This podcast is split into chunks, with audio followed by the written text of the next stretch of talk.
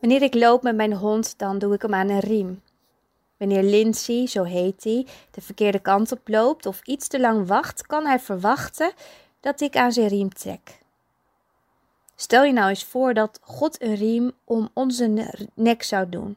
En iedere keer dat jij de verkeerde kant op loopt, voel je een rukje aan de riem. Het zou misschien wel makkelijk zijn om de juiste koers te gaan, maar het is toch een akelig idee dat er elke keer aan je nek wordt getrokken.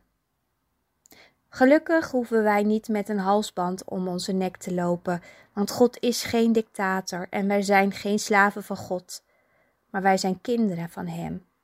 En kinderen hebben een keus om hun vaders raad op te volgen, om zijn wijsheid te erkennen en om zijn liefde te beantwoorden. God heeft ieder mens gemaakt met een geweten. Het woord geweten stamt af van het Latijnse conscientia. En dat kan je vertalen als kennis binnenin. Veel mensen zijn op zoek naar wat goed en heilig is.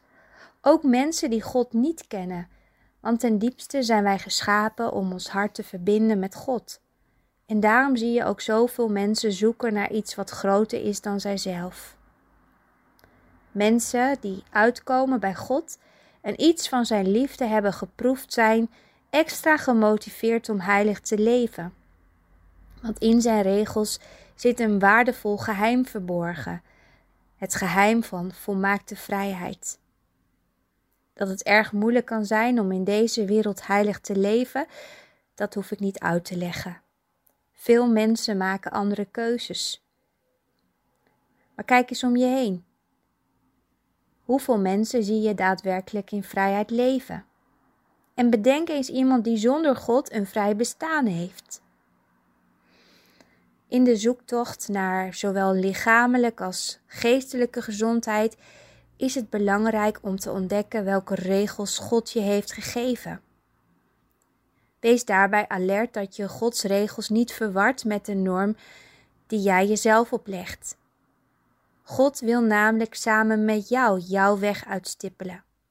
Wat precies jouw weg is, dat mag je afstemmen met degene die jou heeft gemaakt. En daarom is het zo nodig dat jij jouw leven niet legt naast het leven van een ander. We maken onszelf alleen maar ongelukkig wanneer we ons leven vergelijken met een ander. God heeft jou gemaakt. En in Gelaten 6, vers 4 schrijft Paulus dat een ieder zijn eigen daden moet toetsen. Toets je daden en ontdek hoe goed het is om samen met God jouw weg uit te stippelen, want die weg brengt je uiteindelijk thuis. En thuis is de plek waar echte vrijheid is. Ik moet denken aan een prachtige psalm.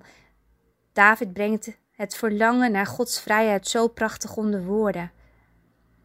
In Psalm 27, vers 4 staat: Het enige wat ik verlang is wonen in het huis van de Heer, alle dagen van mijn leven. Broers, zussen, het is zo heerlijk om je te verbinden aan de levende God, want daar is echte vrijheid te vinden. Daar kan je intimiteit krijgen met de levende God. Samen met Hem het leven delen. Altijd dicht bij Hem zijn. Samen de maaltijd vieren en proosten op het leven. Nee, God trekt jou niet aan een hondenriem. Maar God wil graag dat je vrijwillig naar Hem toe gaat en zegt: Hier ben ik, Vader. Ik wil leven dicht bij U.